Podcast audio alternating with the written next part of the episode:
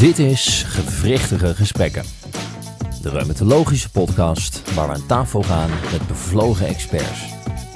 Deze podcast werd mede mogelijk gemaakt door AppFi. Welkom bij een nieuwe aflevering van Gewrichtige Gesprekken. De podcast voor Reumatologisch Nederland. En vandaag met Guusje Juist en mijzelf, Caroline Albers. Onze gast vandaag is een expert op het gebied van onder andere Early RA. Zijn leven startte in Rotterdam en daar werkt hij nu nog steeds bij het Erasmus MC.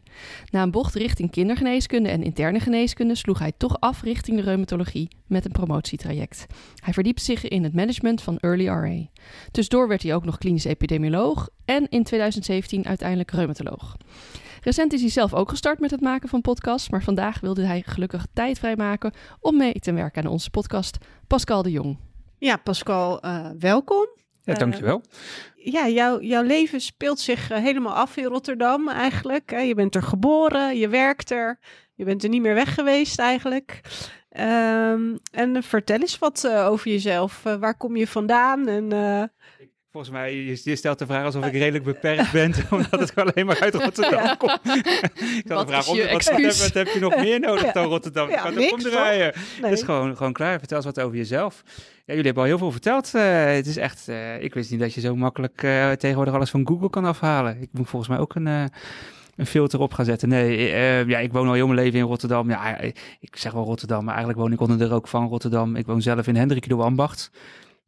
Is een kleine boeren-christelijke gemeente waar je vooral op zondag niet te hard moet werken, om het maar even zo te zeggen. Dus dat, en daar woon ik prima, lekker rustig. Dus dat uh, dus ik hou ook van mijn rust, alhoewel ik een druk bestaan heb, om het maar even zo te zeggen.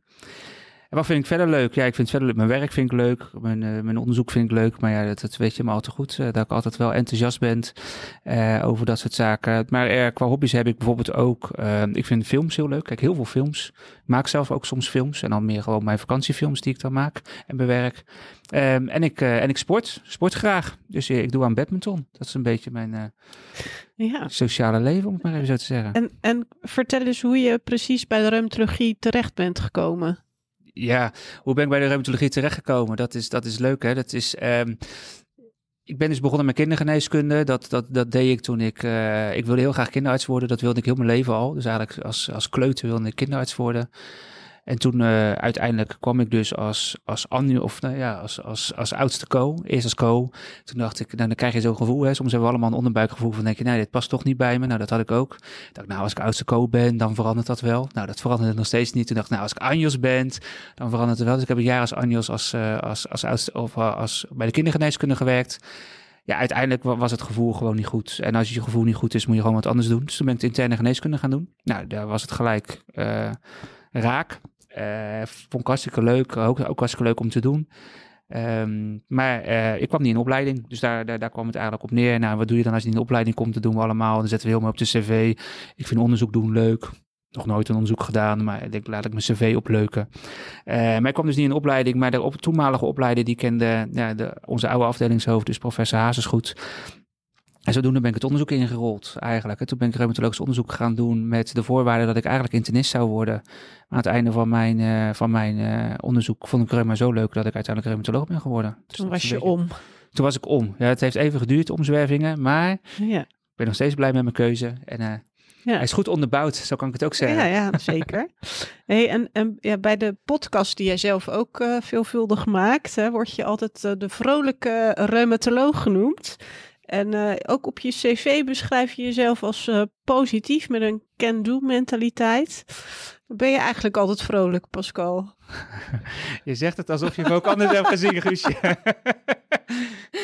ik ben heel vaak heel vrolijk. Dus dat, uh, ik ben altijd, 9 van de 10 keer ben ik vrolijk en enthousiast. En, en uh, ja, weet je, ik ben gewoon van het aanpakken en niet zozeer van het zeuren en het uh, en uh, te lang ergens over doorzagen. Dat heeft ook geen zin. Gewoon doen en als het fout is, ja, weet je, dan zie ik het ook wel, om maar even zo te zeggen. Um, maar ja, ben ik wel eens een keertje minder vrolijk? Ja, ik kan ook wel eens heel erg fel zijn. Maar dat gaat dan vaak ook over, hè, wat je in jouw voorbeeld, niet in de richting jou, maar gewoon in, op, het werk, over de patiëntenzorg. Als de patiëntenzorg niet goed geregeld is, kan ik vrij fel uit, uit de hoek komen. Ja, maar je bent over het algemeen wel vrolijk hoor. Ik kan het helemaal bamen. Daarom. Uh, ja, we hebben natuurlijk heel grondig uh, onderzoek gedaan naar jou. dus we hebben we ook eens even je adres gegoogeld en even op Google Maps eens goed naar je huis gekeken. En dan klopt het dat er daar twee hele bijzondere beelden voor de deur staan. Ja, zo, dat is wel heel goed gezien. Uh, God, ik wist niet dat het huis al geüpdate was, inderdaad. Want ik ben inderdaad verhuisd. Uh, ik kan er ook vertellen, dit, dit, dit, is eigenlijk mijn ouderlijk huis. Ik ben op mijn zestiende verhuisd uh, naar dat huis. Uh, en nu heb ik mijn eigen ouderlijk huis gekocht en helemaal verbouwd. Dus het is niet meer zoals het is. Maar mijn kinderen slapen nu op, een van mijn kinderen slaapt op mijn slaapkamer. maar voor dat huis staan inderdaad ook twee beelden. Het zijn beelden van het terracotta leger, inderdaad. Dus die, van het terracotta leger? ja, niet een echt beeld van het terracotta leger. zo goed is ons salaris nou ook weer niet. Maar okay. het zijn twee beelden van terracotta legers, inderdaad. Ja, ik vind ze leuk. Ja, nou, jullie, jullie, zien prachtig uit. Ja. Hey, en uh, nou ja, goed, uh, goed om, uh, om even uh, je te leren kennen. Maar we willen natuurlijk eigenlijk gewoon over RA hebben vandaag. Um, want daar heb je vast veel over te vertellen. En we willen het dan eigenlijk hebben over verschillende momenten in de behandeling van patiënten met RA. En dan beginnen we natuurlijk bij early RA. Want daar heb jij veel onderzoek naar gedaan. Um, en uh, dan tot aan de uh, patiënten uh, die in remissie zijn, waarbij je kan gaan afbouwen. Dus die verschillende stadia willen we even met je doorlopen. Als we beginnen bij, bij Early RA, dan kom je al snel op de Treat Earlier studie. Ehm, kan je daar iets over vertellen?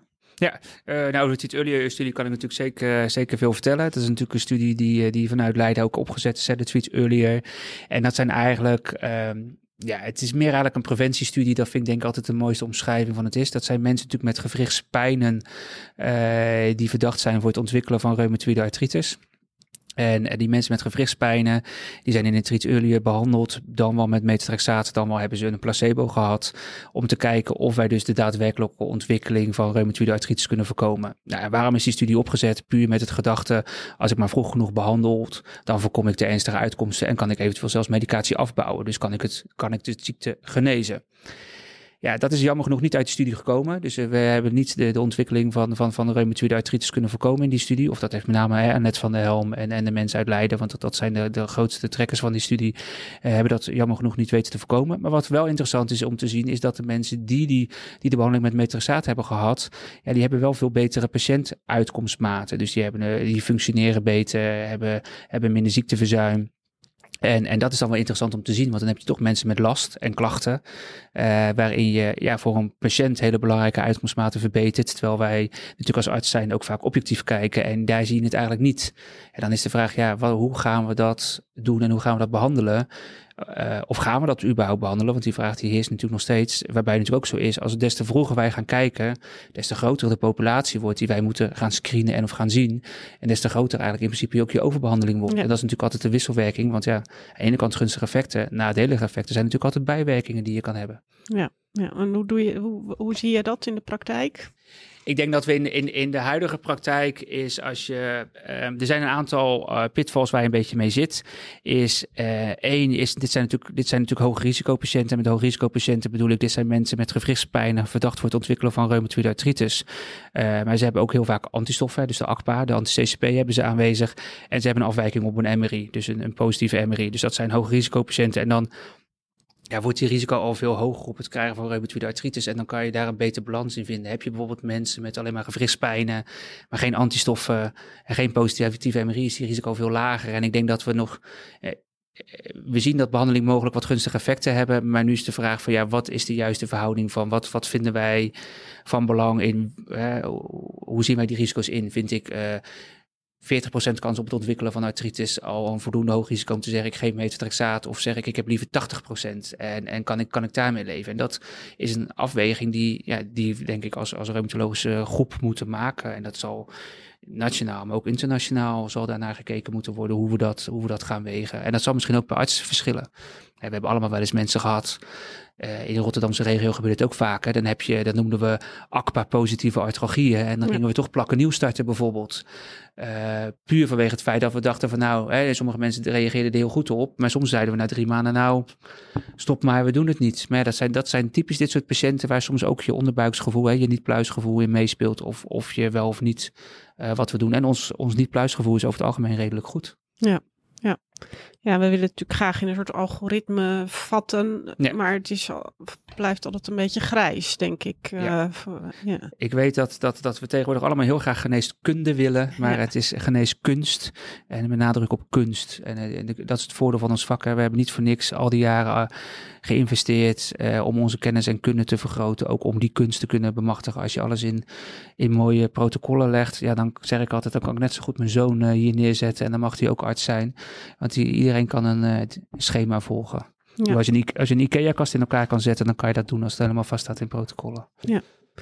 Ehm, en dan wilde ik je ook nog even eh, eh, iets laten vertellen over de T-REACH-studie. Dat gaat over de, hè, de combinatie van medicatie. Kun je daar iets over vertellen? Jazeker. Eh dus we hebben de treat earlier gehad. Hè. Dat is natuurlijk de, de, de, de fase net voordat mensen artritis ontwikkelen. En uiteindelijk kom je dan met de T-REACH. Eh, dat is de studie waarin we hebben gekeken... als mensen eenmaal een artritis hebben ontwikkeld... hoe kunnen we die mensen het beste behandelen? En ehm, toen de studie werd ontworpen... waren de 2010 criteria voor reumatoïde artritis nog niet ontwikkeld. Dus die studie is gebaseerd op de model van Visser... waarbij mensen dus ingedeeld zijn op hun kans op het ontwikkelen van... een persisterende gewrichtsontsteking, zo moet je het zien. Nou, ik ben met name gepromoveerd op de hoge groep. En dat waren de mensen die dus meer dan eh 60% kans hadden op het ontwikkelen van de persisterende artritis. Maar die groep komt heel erg overeen met de nieuwe criteria voor reumatoïde artritis.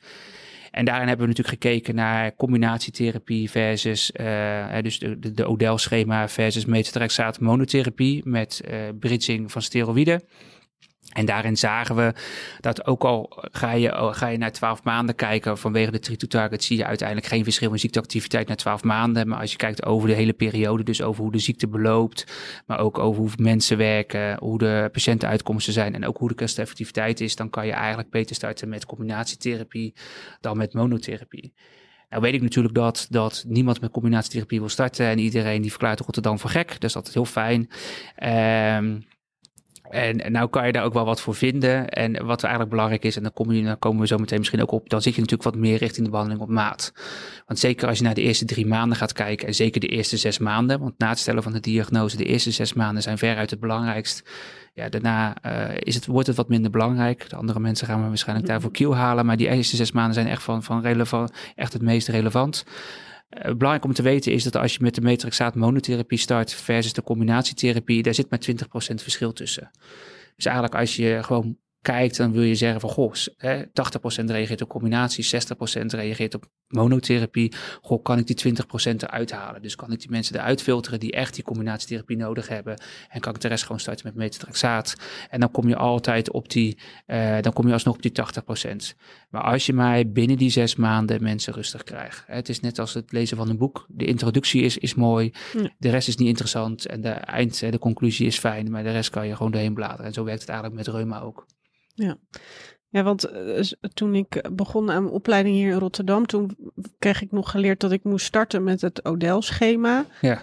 Nou stuitte dat mij ook vaak een beetje tegen de borst om mensen vol te proppen met uh, weet ik veel hoeveel pillen ze dan op een dag uh, moeten gaan slikken. En ik had ook het idee dat mensen daar niet heel blij mee waren, maar uh, de, over de jaren werd dat wel een beetje minder. Ik heb niet het idee dat dat nu nog uh, heel erg uh, nou, maar dat komt omdat de, er komt dat de, het wordt wel gedaan, maar het, is, het hangt een beetje met de modaliteit af. Hè. Je weet dat ik inmiddels toch op een iets andere manier behandeld en ook niet die drie maanden meer afwacht. En dat, nee. uh, uh, dan kom je toch al wat meer richting die behandeling op maat. En ik denk dat dat meespeelt in hoe je, hoe je overwegingen zijn en, en, wat je, en wat je behandelt en hoe je dat behandelt. Ja. Uh, dat zijn gewoon de nuances die komen en ik denk dat dat alleen maar goed is. Ja. ja. En um, um, inderdaad, we komen ook nog uh, uh, te spreken over de, de behandeling op maat, want dat, dat is waar we naartoe gaan. Um, je bent op, op, op dit moment bezig met de Primera. Ja. Um, Kan je vertellen waar jullie naar kijken? Jazeker. Primaire trouwens, eh, een van mijn studies die ik, uh, die ik natuurlijk zelf opgezet heb. Dus daar ben ik heel trots op. Daarnaast ben ik er heel trots op. En uh, ik heb nu toch de mogelijkheid, omdat heel veel mensen meeluisteren, dat het een studie is die in, in eigenlijk grotere delen van Nederland loopt. En dat, dat denk ik, dat is alleen heel fijn. Dat, dat laat zien dat Nederland echt een onderzoeksland is en mensen bereidwillig is om samen te werken. En dat, dat is denk ik dat we zeker voor zo'n klein land alleen maar met elkaar moeten stimuleren en doen. Ik bedoel, uh, we kunnen elkaar alleen maar helpen en we zullen elkaar, kunnen elkaar heel goed versterken in plaats van dat we elkaar over het algemeen tegenwerken, wat sommige mensen denken. Dus dat, vandaar hè, alvast een boodschap ook voor de rest. Um, maar in de primaire trui vergelijken we eigenlijk behandeling op maat met standaardzorg. Dat is eigenlijk wat we doen. Nou, en je hoorde me al zeggen dat, dat die 20% waar ik net al op doelde, verschil tussen metrixaat monotherapie en, en triple kan ik dat eruit filteren. En dat zit in die behandeling op maatarm. Dus wat je eigenlijk ziet in de behandeling op maatarm, starten we gewoon met metatrexaat en, en steroïdbridging, wat, wat eigenlijk denk ik heel Nederland gewoon doet. Alleen in plaats van drie maanden te wachten om te kijken wat mijn effect is, ga ik eigenlijk al naar een maand kijken wat het effect van, van, van steroïden is. En, en steroïden die hebben gewoon een voorspellende karakter. Als je niet na een maand reageert op je prednisonbridging, dan kan je er vergif op innemen dat je na drie maanden moet intensiveren. Dus dat is eigenlijk een goede voorspeller om te kijken hoe je behandeling is. En als dus dit gebeurt, dan ga ik dus na een maand alsnog naar mijn, naar mijn ODL-schema, om het even zo te zeggen. Dus dat is dan eigenlijk een, een, een andere manier om toch je behandeling sneller te intensiveren. En vaker toch te kunnen schieten om mij binnen die zes maanden die lage ziekteactiviteit te bereiken. Eh, en dan denk je, waarom zit je elke keer op die zes maanden? Nou, we weten gewoon, als je binnen die zes maanden die lage ziekteactiviteit bereikt, heb je gewoon meer kans om, om, om heb, je min, uh, heb je minder schade, is je productiviteit meer gewaarborgd, heb je meer kans op je medicatie volledig af te bouwen. Dus om medicatievrije remissie te bereiken, vandaar dat die zes maanden belangrijk is. En als je die periode toch wat beter kan invullen met meer mogelijkheden om te switchen zonder dat je aan het overbehandelen bent, is het heel fijn. Uh, daarnaast, dus, dus dat is één stap van die behandeling op maat. De andere stap is dat we een onderscheid maken tussen oud-antistof positieve en negatieve reumatoïde artritis. Dus de oudstof negatieve reumatoïde artritis start met hydroxychloroquine in plaats van metatrexaat. Uh, dat is een substudie weer van de T-Reach, waar we van geleerd hebben dat je die groep ook gewoon daarmee kan starten. En ja, en als je toch, als het niet afdoende werkt, kan je eventueel naar een maand al intensiveren. En hetzelfde trucje van binnen een maand je medicatie intensiveren, dat doen we eigenlijk ook met de jakremmers. Dus als je na drie maanden niet goed reageert, ga je over op een jakremmer die vrij snel effect hebben. En kan je dus ook weer na vier maanden kijken of je dus eventueel je medicatie intensief kan intensiveren. En dan heb je dus eigenlijk in een korte periode, kan je meer medicatieswitches maken om die periode optimaal te benutten en dus zo goed mogelijk en zo laag mogelijk uit te komen. Ja. Uh, want ik, ik vroeg me nog af, want uh, Je hebt het dan over intensiveren, dan over het starten van een ODL-schema. Maar hoe zit het met gewoon eerder starten van een biological? Ja, dat kan ook. Dat kan ook. Alleen wat je probeert is, je probeert natuurlijk binnen de, de huidige uh, uh, zorg, dit is, dit is een strategiestudie zoals we dat noemen. Dus je houdt je aan de huidige zorgregels en dan zit je toch een beetje met, met, met je medicamenten vast. En wil je je DMARDs wel optimaal gebruikt hebben. En dat heb je natuurlijk ook nodig om een biological voor te schrijven. Uh, maar dat zou zeker, je zou kunnen zeggen, goh, ik ga, uh, ik geef geen uh, ODEL, maar ik ga na, naar een maand ga ik al, weet ik veel wat, naar een TNF-blokker toe, wat de meest voorgeschreven is. Hij is natuurlijk, natuurlijk toch een stuk goedkoper. Zou prima kunnen, als dat verzekeringstechnisch op een gegeven moment wordt toegelaten en dat laat beter uitkomsten is het zeker waar. Er is een studie, um, ik vergeet altijd de naam van die studie, ook van Odell, om het maar even zo te zeggen. Ik ben even de naam van de studie kwijt, maar wat ze daar hebben gedaan is bij mensen die niet goed gereageerd hadden op metatrexaat, dus metatrexaat inadequate responders, die hebben ze gerandomiseerd naar een Odell dan wel naar etanercept. Dus je krijgt een TNF-blokker. En dan gingen ze drie maanden later weer kijken wat het verschil was tussen die twee medicijnen. Nou, het was even goed. Dus of ik nou een Odel geef of een biological maakt op dat moment niet uit. En de mensen die niet reageerden, hebben ze teruggeswitcht. Dus als je niet reageerde op metrixaat met etanercept, kreeg je een, kreeg je een Odel. En vice versa, reageerde je niet op de Odel-schema, mm. dan kreeg je metrixaat met etanercept. En ook daarvan zag je bij beide terugswitches, hè, dus de, de switchen terug, uh, ook gewoon even goede effecten. Dus dat uh, het is meer ter geruststelling dat zo'n Odel-schema helemaal niet slecht is. Maar nee. Uh, kan het vervangen worden door een biological? Ja, prima. Ja, alleen de patiëntbelasting is misschien wat meer. Uh... Patiëntbelasting is meer, maar uiteindelijk is het natuurlijk wel de doel. Hè, het, is nooit, het is nooit het doel. En dat zeg ik tegen al mijn, medisch, uh, mijn mensen. Het is bijna mijn mantra geworden. Met zo min mogelijk, met zo min mogelijk medicijnen zo goed mogelijk uitkomen. Ja. ja staat ook op mijn grafsteen. Dus Ja. dat is, eh, ik kan, ik weet alleen de Latijnse vertaling nog niet. Dus als mensen ooit een Latijnse vertaling willen opsturen naar jullie, heel graag. Sturen we hem door. Sturen we hem door. Ja. Ehm, en eh, inderdaad, voor de seronegatieve RA geldt dus... eh, eh, zou je het beste kunnen starten met plakkeniel alleen. Wat mij betreft wel. Ja. Ja. Ehm, en dan ook weer na drie maanden... Je zou, je, Ik- gewoon, je zou gewoon met je doxychloroquine kunnen starten. Nogmaals, ik gebruik de prednison-voorspelling nog ook om verder door te switchen. Maar je zou ook gewoon kunnen starten en na drie maanden dat kunnen bekijken. We, we hebben, eh, we hebben dat in de treats laten zien, dat, dat dat beide net zo effectief is. En ook qua kosteneffectiviteit gewoon hetzelfde is. Ja. En er zijn ook andere studies die dat bevestigen. Hè. En niet zozeer dat, dat er echt strategiestudies bij uh, antistofnegatieve RA's zijn. Eh, maar er zijn wel studies die laten zien of ik nou een antistofnegatief of een positieve RA heb. En ik geef ze alle twee dezelfde dosering metatrexaat. Dan reageren de negatieve RA's beter dan de positieve RA's. Dus dat is heel fijn. Ja. Je moet wel opletten dat wat het vervelende is, is qua klinische uitkomsten doen ze het veel beter. Qua patiëntenuitkomsten doen de oud-antistof negatieve RA's het veelal slechter dan de positieve RA's. Dus blijven veel meer pijn houden, meer functiebeperkingen, meer vermoeidheid. Maar dat, ja, dat is dus niet, um, voor een deel is het aan inflammatie natuurlijk altijd gerelateerd, maar voor een deel speelt daar ook een andere component mee. Denk je dat er over het algemeen veel aan overbehandeling gedaan wordt? Uh, ja. Ja, terecht. Ja. ja, weet je, dus dat zeg ik ook, dat, dat leer ik ook aan jullie en dat zeg ik ook altijd tegen iedereen. En kijk maar hoe medicaties worden op de markt worden gebracht. Als je, als je natuurlijk, uh, nou kijk naar een biological, die komt dan op de markt. Wat doen ze? Dan doen ze dose-finding studies. En wat zij doen is, zij willen natuurlijk dat zoveel mogelijk mensen reageren en er dus zo lang mogelijk op staan. Dus wat ze kijken naar de hoogste dosering uh, waar mensen tolereerbare bijwerkingen bij hebben. En um, uh, je, ziet dat soms bij lage doseringen kom je ook gewoon uit en kan je afbouwen. Er is ooit één studie geweest van, uh, van Smolen, die stond in New England. Uh, volgens mij heette die Preserve. Dat hebben ze gedaan. Dat was in de tijd dat de biologicals zo duur waren. En toen dacht uh, Pfizer van, ja weet je, want het ging over etanercept uit mijn hoofd. Die dacht, ja weet je, we gaan een afbouwstudie doen om te laten zien dat het niet kan. Alle mensen waren drie of zes maanden in lage ziekteactiviteit. Lage ziekteactiviteit, niet in remissie. Hebben ze drie armen gedaan. Etanercept doorgezet, etanercept gehalveerd en de gewoon gestopt. Nou, bij het stoppen, bij lage ziekteactiviteit, heel veel flares. Maar doorgaan en halveren maakt absoluut geen verschil uit. Dus meer om even aan te geven dat er ook gewoon studies zijn. Dat je ook gewoon toch medicatie kan afbouwen en kan gaan zoeken naar wat de juiste dosering is. Het Ja. gaat niet alleen voor biologicals, vind ik, geldt ook voor uh, allerlei andere middelen. Ja. Nadeel van afbouwen, daar moet je ook weer eerlijk in zijn. Nadeel van afbouwen is als je maar door onbewust, maar we hebben hier ook afbouwstudies gedaan, blijf je afbouwen. Puur op basis van je ziekteactiviteit, ja, dan, dan gaat ongeveer 60% krijgt een flare. En sommige studies laten dat zelfs hoger zien. Dus en daar, daar moet je wel voorzichtig mee zijn. Quick for. Je hebt je natuurlijk al uitgebreid voorge, voorbereid op de vragen uh, die we je Absoluut. Ja. uh, uh, de eerste is, eh, wat is je grote passie? Wat is mijn grote passie? Eten.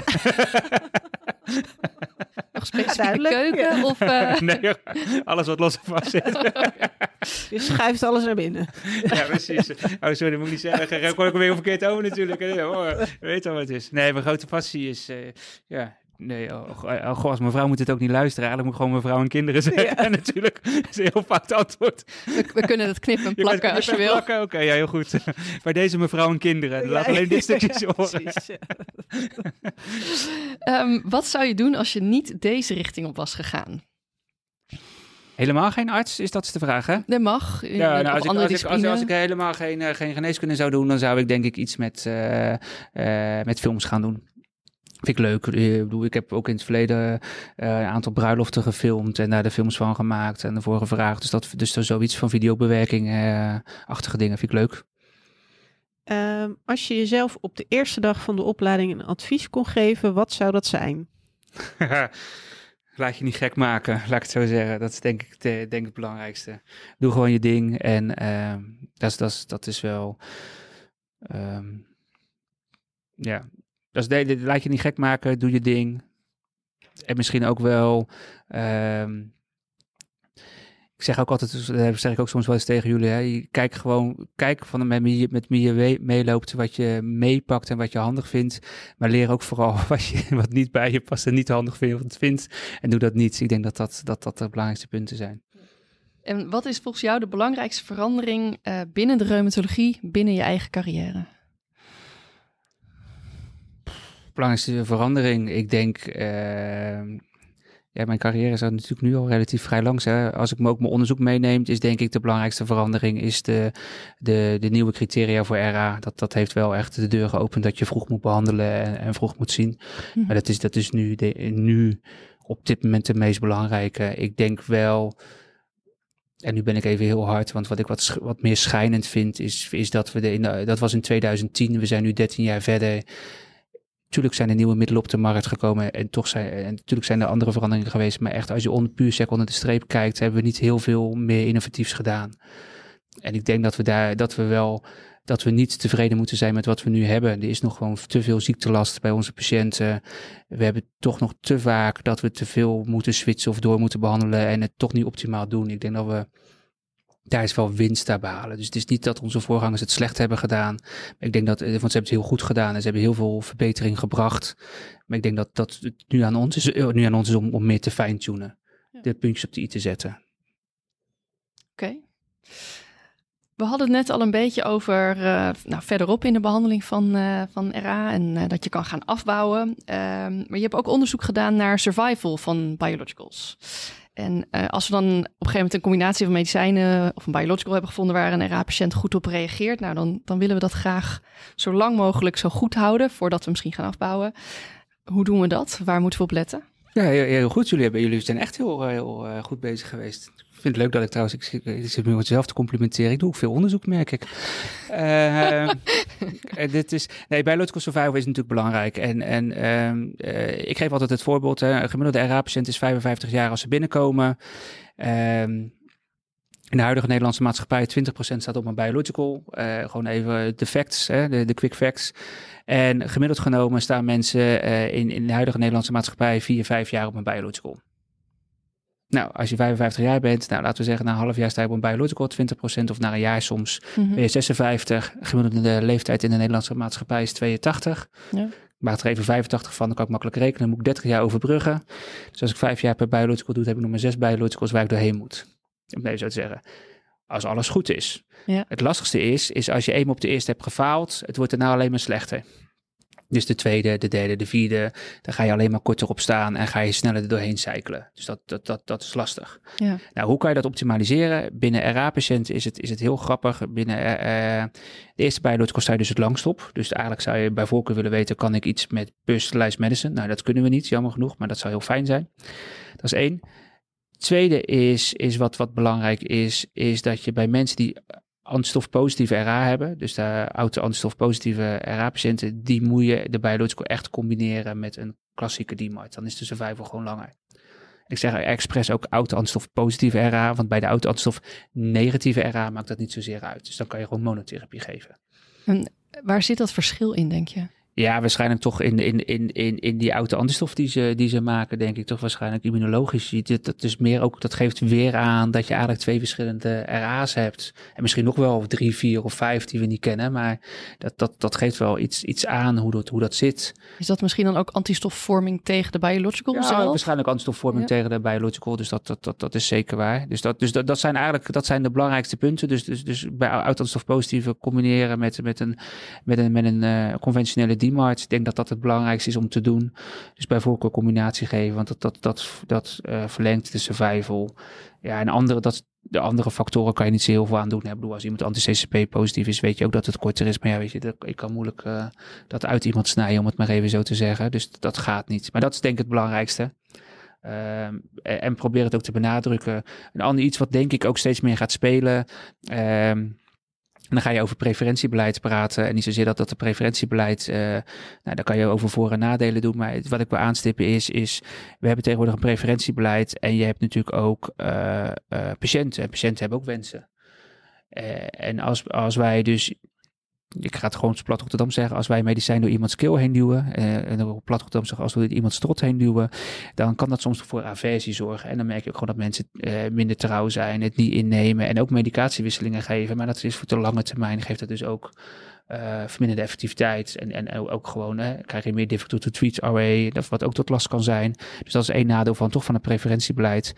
Uh, en het andere, na, uh, het andere nadeel, dan praat ik nog steeds even over de, over de, over de eh, de biological survival van de eerste, is dat ja, als ik iets geef wat iemand echt niet wil, ja, dan gaan ze het ook gewoon niet nemen.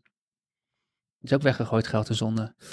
Dus dan Eh, eerder overleg met patiënten. Nou ja, dat, dat zal wel helpen. En dat zal, dat, dat, daar is gewoon evidence dat dat, dat, dat, dat ook de medicatiewisselingen afneemt. Dus, dus patiëntenvoorkeur, als je dat meeneemt, eh, vermindert de, de medicatievoorkeur. Alleen dan krijg je het spanningsveld tussen eh, geld, preferentiebeleid en Ja. wat de patiënt wil. En, dat, dat, en bij wie dat geld komt. Eh, maar kijk ik naar de korte termijn of kijk ik naar de lange termijn voor over 20 jaar. En meestal ja, zijn we allemaal redelijk kortzichtig, om het maar even zo te zeggen. En ehm patiëntvoorkeuren, zijn dat, merk je dat zelf, of zijn dat wel eens specifieke merken? Of is dat meer van ik wil iets eh, in pilvorm of liever spuitjes of liever infusen? Nee, maar dat, ja, nou weet je, dat is bij, bij eh, patiëntvoorkeuren kunnen heel erg wisselen. Eh, maar meestal is het natuurlijk niet zozeer, meestal is het meer spuiten, pillen of, of, of infusie inderdaad.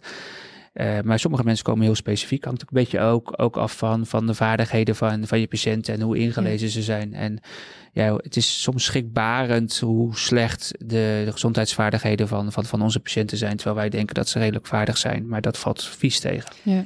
Stel nou, je hebt een goed medicijn gevonden. Het, eh, het blijft ook eigenlijk wel goed gaan. Dan kan je misschien op een gegeven moment beginnen met taperen. Wanneer begin jij daarmee? Eh, ik bouw medicijnen af als mensen eh, ongeveer een half jaar in remissie zijn. En En, en, en, ook op, en ook in samenspraak met de patiënt natuurlijk. Je hebt, kijk, ik heb mensen die- waarbij ik heel lang bezig ben geweest om ze rustig te krijgen. En die zeggen gewoon, ja, weet je, dokter Dion, leuk en aardig, maar ik wil het niet. Ja, prima, dan doen we het niet. Maar er zijn genoeg mensen die, eh, die het wel willen. En dan ga ik gewoon, dus een half jaar in remissie is voor mij meestal een, een, een uitgangspunt om, om af te bouwen. En ook hierbij geldt, ja, wees gerust. Weet je, als ik niet afbouw, dan doet de patiënt het zelf wel. Als een patiënt goed gaat, de therapietrouw, we denken allemaal, onze patiënt, nee, mijn patiënt, die neemt echt wel zijn pillen in of die spuit. Nou, vergeet het maar, forget it. Die is echt na twee jaar dat ze RA hebben, wordt dat echt laag. Ze vergeten het. Ze spuiten het gewoon niet. Ze kijken je aan en ze liegen gewoon. Ja, nogmaals, iedereen gaat geschokt zijn. Ja, ben je echt? Ja, dat is gewoon zo. Geeft ook niet als je ze maar niet veroordeelt en er maar open over bent. Ik bedoel, bedoel, dat, dat hoort er gewoon bij. Eh, dus, dus, dus schoon daar niet voor en bouw het dan gewoon af. Liever, liever onder toezien, toeziend oog. Als dat ik iemand krijg die in één keer flat en dan eh, gaan wij gelijk switchen. Terwijl als je gewoon vraagt van, goh, heeft u pillen niet genomen? Ja, ik heb ze niet genomen. Ja, dan kan ik gewoon weer teruggeven wat ze hadden. communicatie. Communicatie is, is, is key. Dat is gewoon belangrijk. En nogmaals, als je het niet verwijtend zegt, ik zeg dan heel vaak tegen een patiënt, als hij toch flat en dan vraag ik, goh, heeft u uw medicijnen toevallig goed genomen? Of bent u ze gewoon vergeten? Nou, dokter, eerlijk gezegd heb ik ze de afgelopen drie maanden niet genomen. En dan zeg ik gewoon, oké, nou dan weet u nu in ieder geval waarom u die medicijnen gebruikt. Het is nu actief, dus dan weet u in ieder geval dat het werkt. Ja, nou dan weet ik dat het werkt. Nou, en ik- dan zeg ik het ook achteraan, nou weet ik in ieder geval ook dat ik het nu eventjes weer niet kan afbouwen. Gaan we volgende keer weer kijken. Ja. Ja. En dan, dan gaat het weer goed. En wanneer is voor jou een patiënt in remissie? Is het, eh, eh, gebruik je de DAS 28? Eh, gebruik je wat anders? Ehm, nee, ik gebruik meestal gewoon de DAS 28, eh, als, als ik heel eerlijk ben. Maar ik kijk ook gewoon naar een patiënt. Dus het is niet zozeer dat ik alleen op die DAS 28 vaart. Als een patiënt bij mij komt en ik voel, ze hebben geen pijnlijke gewrichten, geen gezwollen gewrichten en ze kunnen gewoon, en ze hebben geen beperkingen. Het is met name de geen beperkingen Mhm. eh, die van doorslaggevend is. En vaak hoor je dat ook. Ja, dokter, ik kan alles. Ik heb geen probleem. Ik weet nog, eh, eh, eigenlijk heb ik geen reuma. Dat gevoel heb ik. Dat zeggen ze soms ook gewoon letterlijk. Nou, Ja. Dan weet je genoeg, dan kan je gewoon afbouwen. En dit is natuurlijk in het gesprek, maar gebruik je dan ook nog eh, patient-reported outcomes? Ja. Of, Ja, ja, ja. Wij, wij, eh, nou ja, je hebt natuurlijk de, de, de ITSOM domains en die, die, eh, die gebruik ik gewoon eigenlijk allemaal. Dus, dus alle, alle domeinen vragen wij uit. Ehm, en die krijg ik gewoon in een dashboard zichtbaar en die gebruik ik ook. Ook daarvan geldt, ja, ik gebruik ze, maar ook dat kan ik natuurlijk niet bij al mijn patiënten doen. Dus ook daar kies je je patiënten voor uit. Ehm, en dan is de vraag, wat wij doen is veel, eh, eigenlijk te veel. En daar wil je natuurlijk op een gegeven moment ook een beetje een shifting in maken. Om te kijken van wat is nodig, maar wat kan Mhm. ik ook gebruiken om, om mijn patiënt niet te overvragen. Maar wat kan ik ook gebruiken om eventueel op afstand bijvoorbeeld op een gegeven moment te gaan monitoren. En krijg je, je had het net over een dashboard. Krijg maar, krijgen de patiënten die vragen dan al van tevoren, eh, voordat ze bij jou verschijnen? Ja, de patiënten krijgen de vragen van tevoren voordat ze verschijnen. En dan vullen ze het netjes in. En dan eh, heb ik gewoon eh, alle uitkomsten. En ik zie ook wat het is ten opzichte van het voorgaande bezoek. Dus of ze slechter of beter zijn. En op basis daarvan kan ik al, kan ik al beoordelen. Ik zeg het ook soms gekscherend tegen mijn patiënt hoor. Ik zeg altijd, ik zeg, als, ik, als je mij lachend de spreekkamer in ziet gaan, dan weet ik dat, dat het goed gaat. Want heeft u keurig niks de vragenlijst ingevuld. En dan ziet het er goed uit. En zie je hem een beetje met de hoofd naar beneden mompelend. Dan ga ik ervan uit dat de reuma actief is en dat het slecht gaat. En 9 van de 10 keer op basis van wat ik binnenkrijg, klopt mijn beeld wat ik dan van ze heb. Dus ik ben eigenlijk van tevoren te beslagen, kom ik te ijs. Zij komen beslagen te ijs, want ze hebben al over nagedacht over hun reuma. Ja, eh, sommige mensen denken dat het invullen van dat soort vragenlijsten veel meer tijd kost. Ja, onder de streep hou ik eigenlijk meer tijd over en heb ik ook gewoon andere discussies met patiënten. En um, wat we ook wel eens tegenkomen is dat je wil dat mensen in sustained remission zijn. Ja. Een uh, bepaalde definitie. Is dat, is dat die zes maanden of moet je dan eigenlijk nog langer in remissie zijn? Nou, kijk, sustained remission, dat is ook wat ze bij de EULA zeggen. Hè? Dan zeggen ze, ja, je moet in sustained remission zijn en dan kan je medicatie afbouwen, maar er is nooit een definitie aangehouden. Ja. En uh, wat je vaak doet, is, is, ja, ik heb natuurlijk, je hoorde maar net al over verschillende studies praten die hier in de regio hebben gelopen.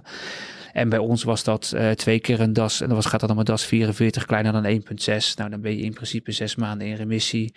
Uh, ik weet dat bijvoorbeeld bij de BEST-studie uh, vanuit Leiden natuurlijk, waar René Allard ook heel erg op veel mee heeft gedaan, was de DAS drie keer kleiner dan 1,6 om af te bouwen. Dus dat, ja, ik hou meestal gewoon twee keer kleiner dan 1,6 aan. Dat hebben we ook in onze afbouwstudie gedaan en dat werkt op zich gewoon prima. Ja.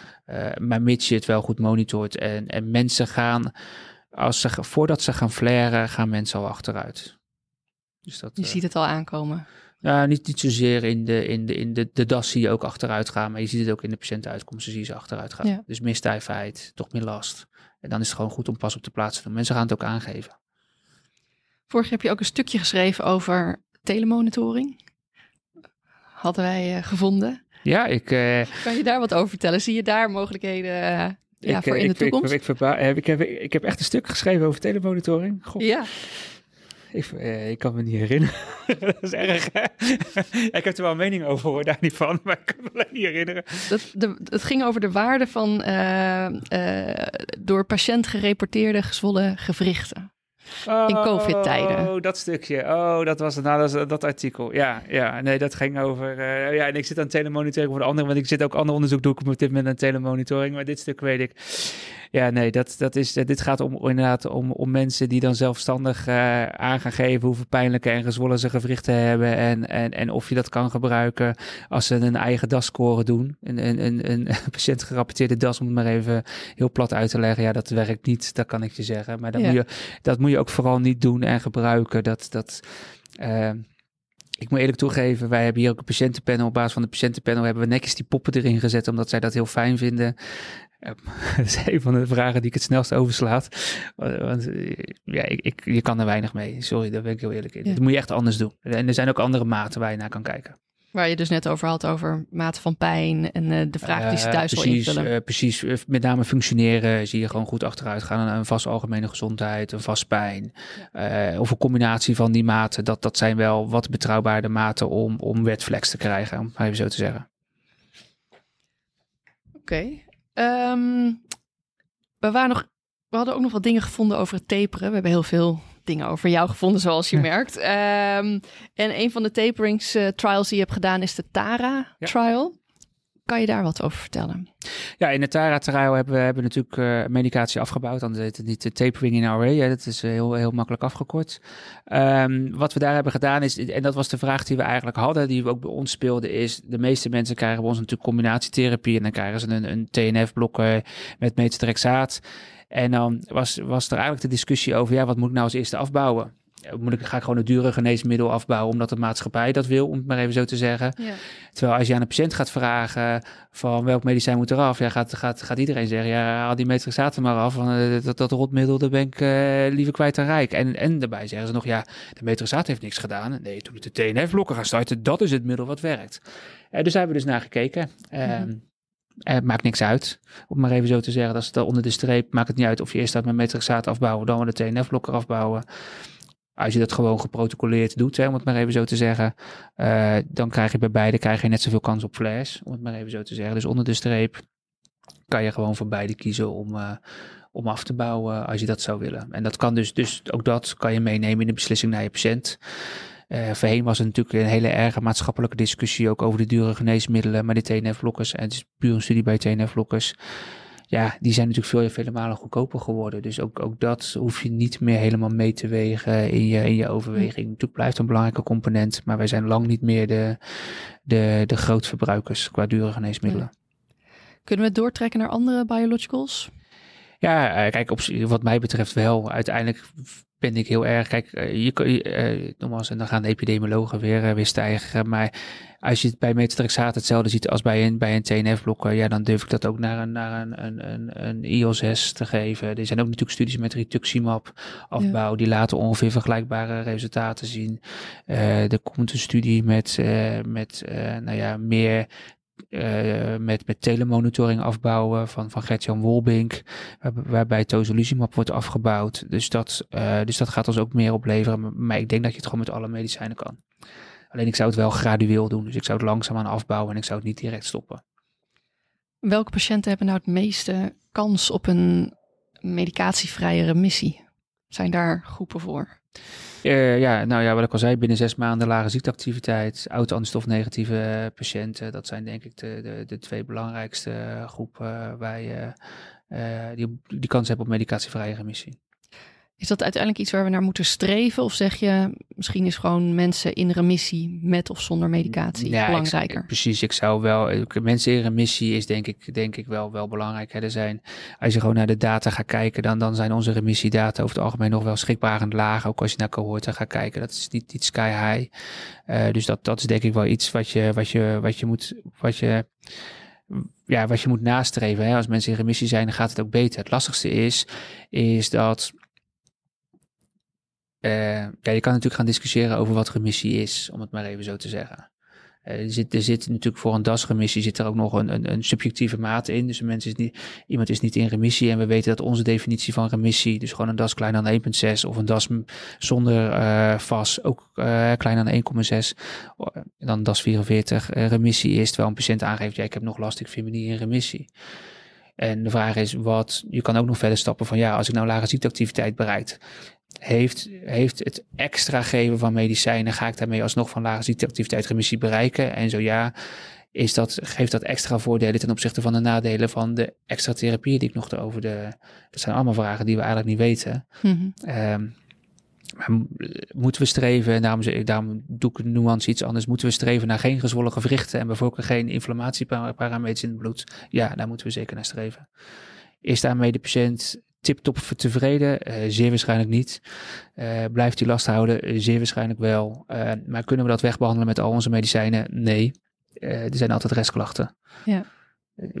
Op enkel uitzonderingen nagelaten. Maar dan ga je, als je over diemoutvrije remissie gaat praten, is dat hooguit bij vroege RA 20% van je populatie, 80% niet sustained diemoutvrije remissie, dus langdurig in medicatievrije remissie, waar de kans op een flare, uh, waarbij de kans op een flare nog lager is. Die percentages zijn vele malen lager.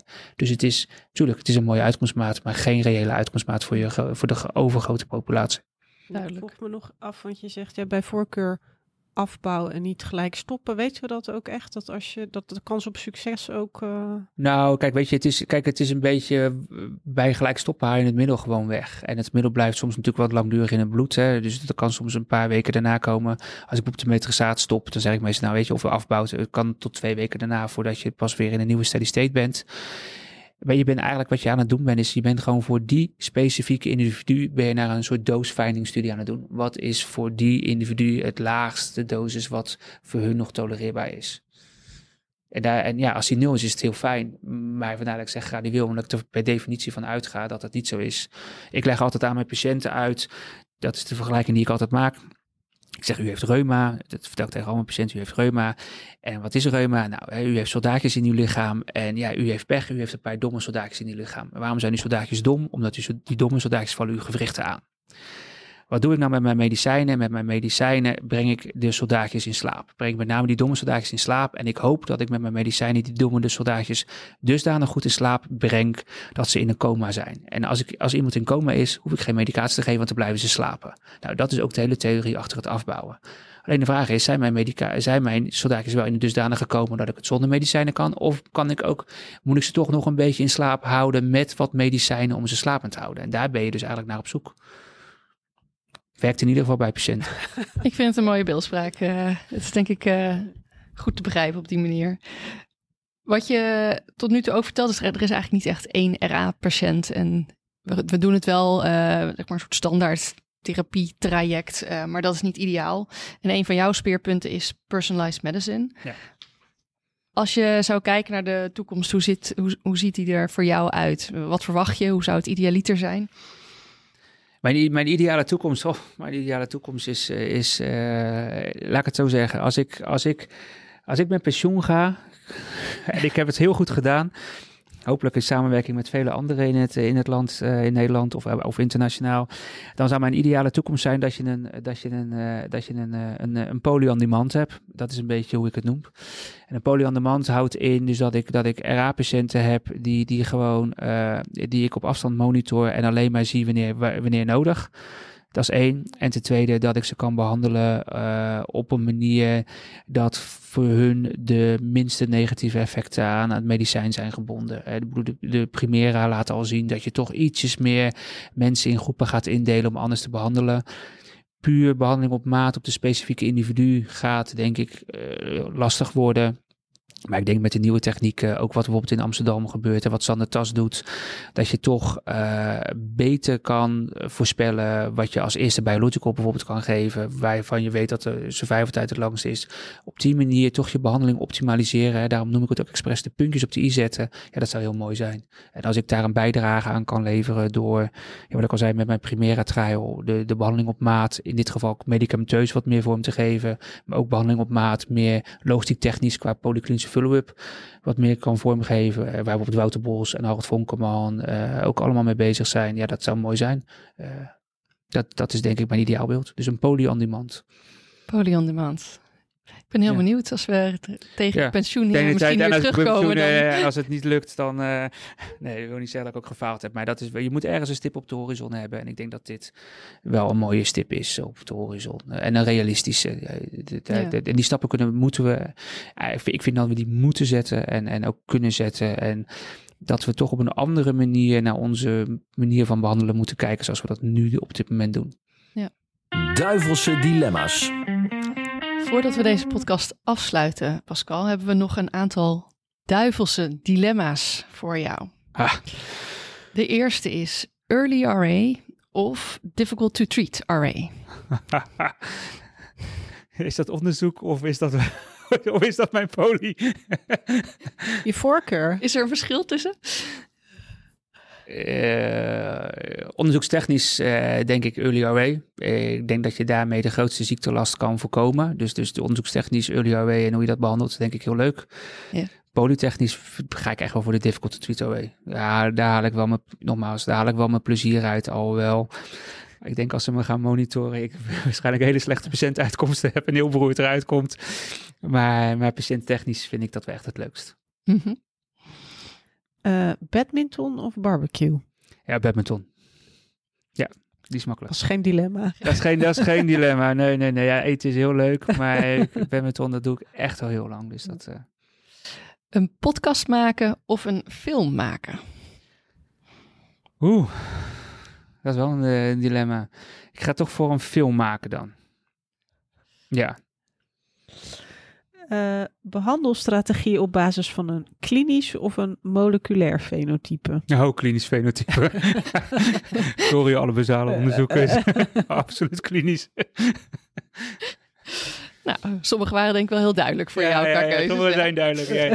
Maar er zijn ook sommige dingen waar ik gewoon, daar ben ik minder goed in. Dus, dus ken je beperkingen, om het maar even zo te zeggen.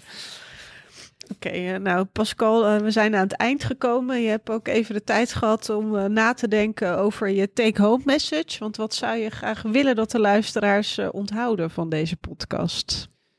Ja, het is bijna wat op mijn grafsteen komt, toch? Hè? Dat is met zo min mogelijk medicijnen zo goed mogelijk uitkomen. Nee, maar wat ik eigenlijk wel mee wil geven, is, is wees gewoon kritisch. Ik denk dat het belangrijk is, la- laten we allemaal gewoon kritisch zijn en durf gewoon tegen de stroom in te gaan. Weet je, als we allemaal maar gewoon ja en amen blijven zeggen, dan, dan kom je ook niet verder. Het is ook af en toe goed om even out of the box te denken, even je kont tegen de krip te gooien of even anders te denken. Dat, dat, dat, dat zet ons ook aan het denken. En dat gaat, gaat uiteindelijk iedereen verder helpen over hoe we iets moeten behandelen en of moeten doen. Oké, dankjewel Pascal en dank aan de luisteraars. Dankjewel Carolien. En eh, tot de volgende aflevering. Bedankt voor het luisteren naar gewrichtige gesprekken. Graag tot een volgende aflevering. Dit is een podcast van Orly Media.